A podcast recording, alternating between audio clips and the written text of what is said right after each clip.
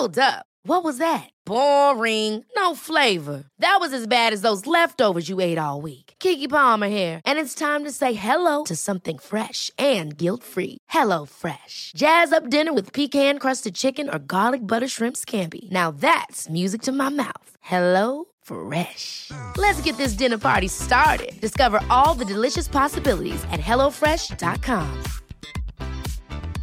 Cool fact a crocodile can't stick out its tongue. Also, you can get health insurance for a month or just under a year in some states. United Healthcare short term insurance plans, underwritten by Golden Rule Insurance Company, offer flexible, budget friendly coverage for you. Learn more at uh1.com. Many of us have those stubborn pounds that seem impossible to lose, no matter how good we eat or how hard we work out. My solution is PlushCare. PlushCare is a leading telehealth provider with doctors who are there for you day and night to partner with you in your weight loss journey. They can prescribe FDA-approved weight loss medications like Wagovi and Zepbound for those who qualify. Plus, they accept most insurance plans. To get started, visit plushcare.com slash weight loss. That's plushcare.com slash weight loss. Henry läser Wikipedia.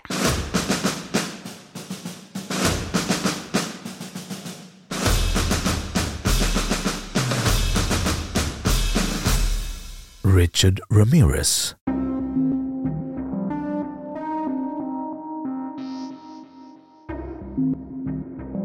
Ricardo Richard Leiva Munoz Ramirez, känd som The Night Stalker, född den 29 februari 1960 i El Paso i Texas.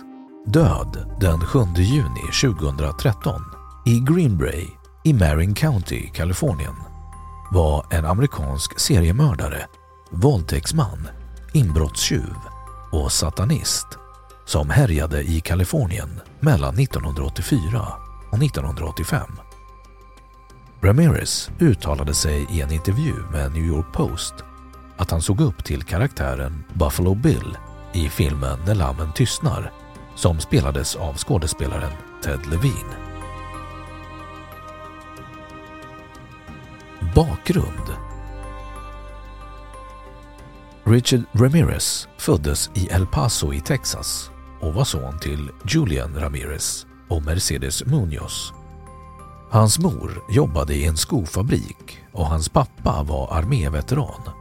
Hans barndomsvänner har beskrivit honom som en ensam varg under sina tidiga år. Ramirez växte upp i en kristen familj med fyra syskon. Som ung togs han om hand av en barnvakt och brukade leka i trädgården ensam. När han var två år sträckte han sig efter en radio på en byrå som sedan föll på hans huvud. Detta resulterade i 30 stygn och hjärnskakning. År 1965 befann sig Ramirez på en lekpark när han träffades av en gunga i huvudet och blev medvetslös. Han fördes till sjukhus och återvände hem med flera stygn. I femte klass blev Ramirez föräldrar oroliga då han började få anfall. Det är oklart om skadorna var orsaken, men han diagnostiserades med epilepsi. Ramirez kusin Mike var Vietnamveteran och visade barnen bilder på vietnamesiska fångar som han hade våldtagit och mördat under Vietnamkriget. Ramirez såg upp till sin kusin.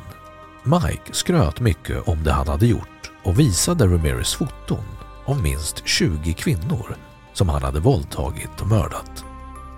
Han lärde även honom saker som han lärt sig i kriget och som soldat. Mikes hustru ogillade att han tillbringade så mycket tid med sina kusiner, vilket resulterade i bråk. Mike sköt till slut sin fru med en revolver framför Ramirez. Ramirez har i sin fångenskap sagt att bilderna och kusinens grymma historier gjorde honom sexuellt upphetsad. Han har även sagt att han alltid, så länge han kan minnas, har varit fascinerad av Dracula, skräckfilmer och det okulta, bland annat satanism, och att hans djävulsdyrkan säkerligen utvecklades ifrån denna fascination. Han beundrade Jack Uppskäraren och intresserade sig för andra seriemördare.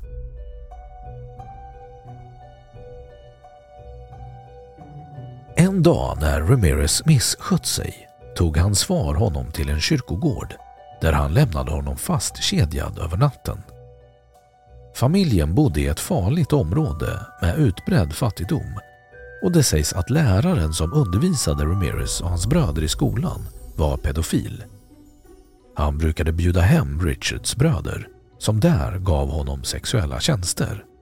Om Richard Ramirez själv någon gång besökte lärarens hus är oklart trots att en kontakt till familjen sa sig se honom gå in där en gång. Richard Ramirez familj besökte ofta kyrkan och deltog i traditionella kristna mässor. Ramirez som började få tankar som han skämdes för, där han tänkte på mord och sadistiskt sex, kände att citat Gud hade övergivit honom. När han hamnade i fängelse för bilstöld en kortare period började han där vända sig emot kristendomen.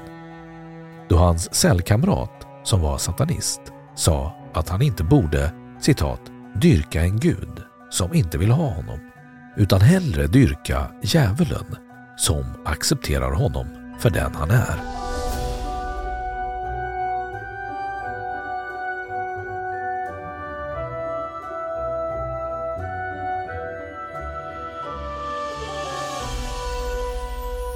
Morden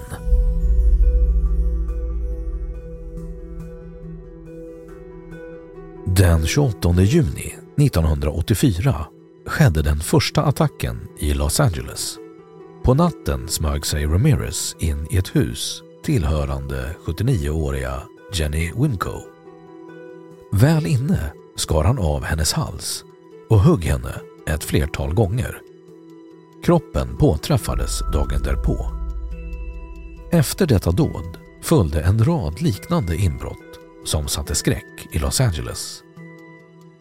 Ramirez åkte runt på nätterna i stulna bilar och letade efter hus han tyckte såg lovande ut.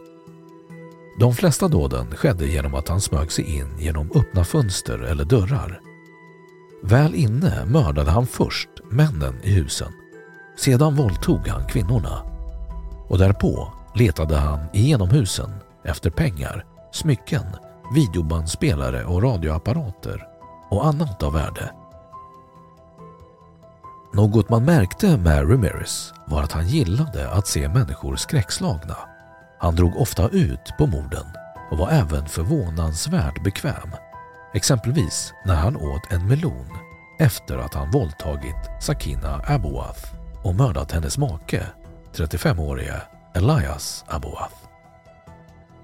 Totalt föll 43 hushåll offer för The Night Stalker som media kallade Ramirez.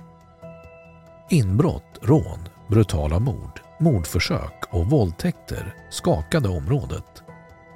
Dåden blev uppmärksammade för sin utstuderade brutalitet och de satanistmärken som Ramirez lämnade efter sig på några av mordplatserna efter att ha vänt upp och ner på inredningen i jakten på sånt han kunde stjäla på gatan för att få råd med de droger han ofta använde, bland annat marijuana och kokain.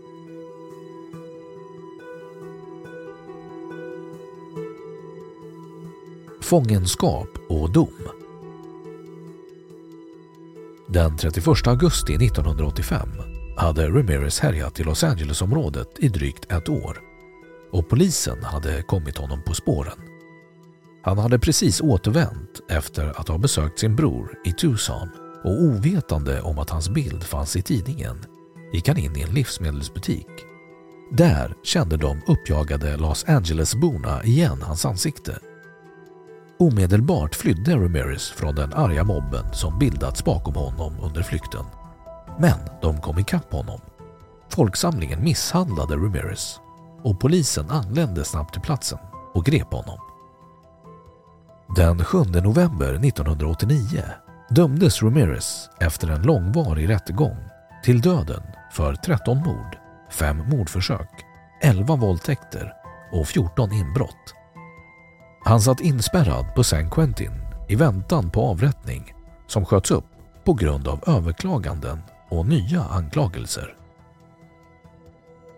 Den 7 juni 2013 avled Ramirez av naturliga orsaker på Marin General Hospital i Greenbrae i Marin County i Kalifornien dit han överförts från San Quentin-fängelset för att få vård. Strax före sin död blev Ramirez intervjuad i New York Post i vilken han berättade att han såg upp till karaktären Buffalo Bill i filmen När lammen tystnar som spelades av skådespelaren Ted Levine.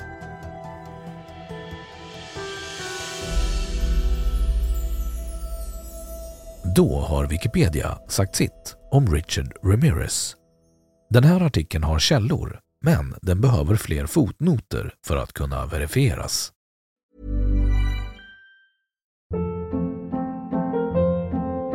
Hold up. What was that? Boring. No flavor. That was as bad as those leftovers you ate all week. Kiki Palmer here, and it's time to say hello to something fresh and guilt-free. Hello Fresh. Jazz up dinner with pecan-crusted chicken or garlic butter shrimp scampi. Now that's music to my mouth. Hello Fresh. Let's get this dinner party started. Discover all the delicious possibilities at hellofresh.com. Hey, it's Paige DeSorbo from Giggly Squad. High quality fashion without the price tag. Say hello to Quince. I'm snagging high-end essentials like cozy cashmere sweaters, sleek leather jackets, fine jewelry, and so much more. With Quince being 50 to 80% less than similar brands. And they partner with factories that prioritize safe, ethical, and responsible manufacturing. I love that. Luxury quality within reach. Go to quince.com slash style to get free shipping and 365 day returns on your next order. Quince.com slash style.